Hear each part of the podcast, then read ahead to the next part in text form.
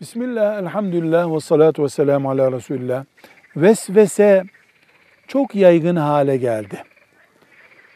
Vesvesesi olan birisi tedavi yöntemlerini kullanmasa vebale girer mi?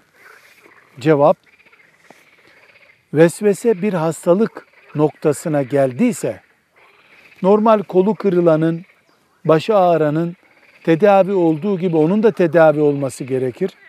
Özellikle vesveseden kaynaklanan arızalar olursa tedavi olmadığı için vebalede girebilir. Velhamdülillahi Rabbil Alemin.